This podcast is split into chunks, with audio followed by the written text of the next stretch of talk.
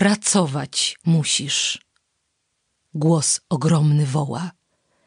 Nie z potem dłoni twej lub twego grzbietu, bo prac początek do prawdy jest nie tu. Pracować musisz z potem twego czoła. Bądź sobie, jak tam chcesz, realnym człowiekiem. Nic nie poradzisz. Każde twoje dzieło, choćby się z trudów herkulejskich wszczęło, niedopełnionem będzie i kalekiem, pokąd pojęcie pracy, korzeń jeden nie trwa, dopóty wszystkie tracą zgoła. Głos brzmi w twej piersi. Postradałem Eden. Głos brzmi nad tobą. Pracuj z potem czoła. Ekonomistów zbierz wszystkich i nagle spytaj ich, co jest pracy abecadłem. Zacząć mam z czego? Gdy na skałę wpadłem lub wiatr mię zdradził, zerwawszy pierw żagle, od czegóż zacząć? Czy od dłoni potu? Od ramion potu? Gdy brak i narzędzi? Gdy otchłań w koło, a ty na krawędzi? Zacznij, by w głowie nie było zawrotu. Więc głos ogromny znów, jak pierwej woła, pracować musisz z potem twego czoła.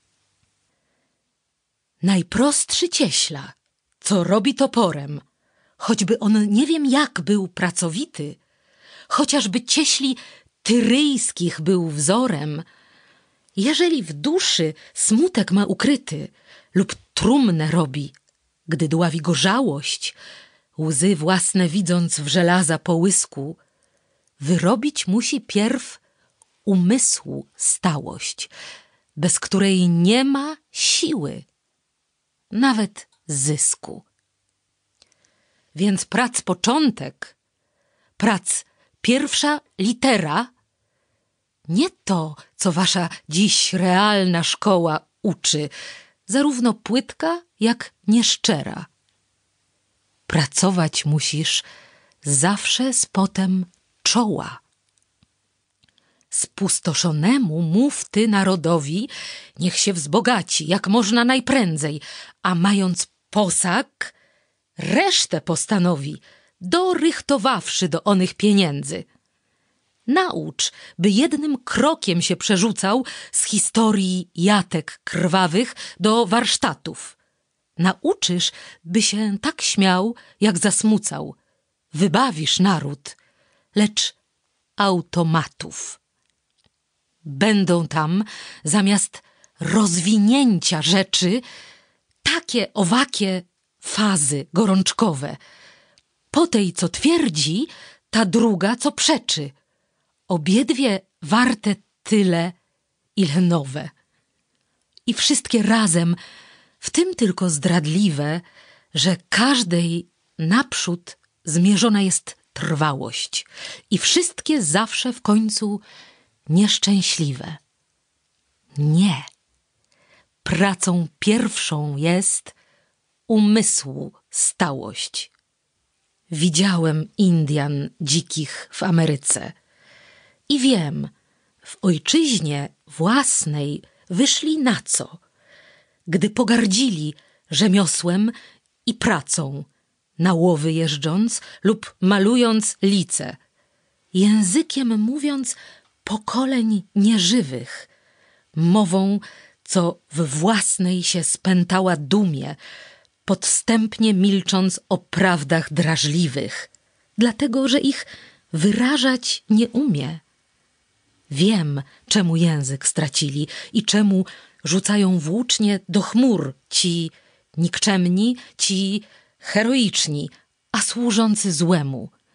Życiem obmierzli, uśmiechem przyjemni.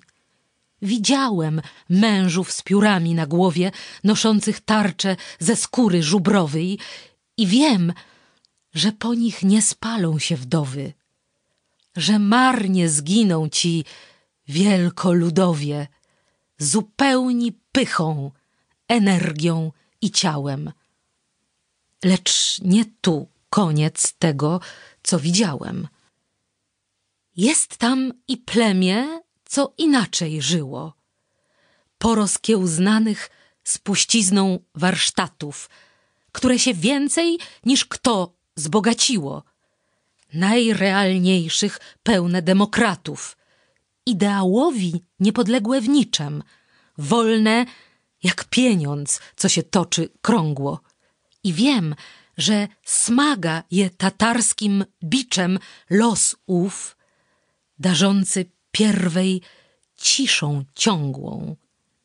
Wiem, że już milion blisko w pień wycięto, tych zbogaconych i tych zapłaconych, doganiających się ofiarą świętą, a kapitałów rządzą wyścignionych. Ci z Indian śmieją się, lecz ci i owi na pastwę idą historii orłowi, co nad ludzkością przelatując woła pracować będziesz z potem twego czoła.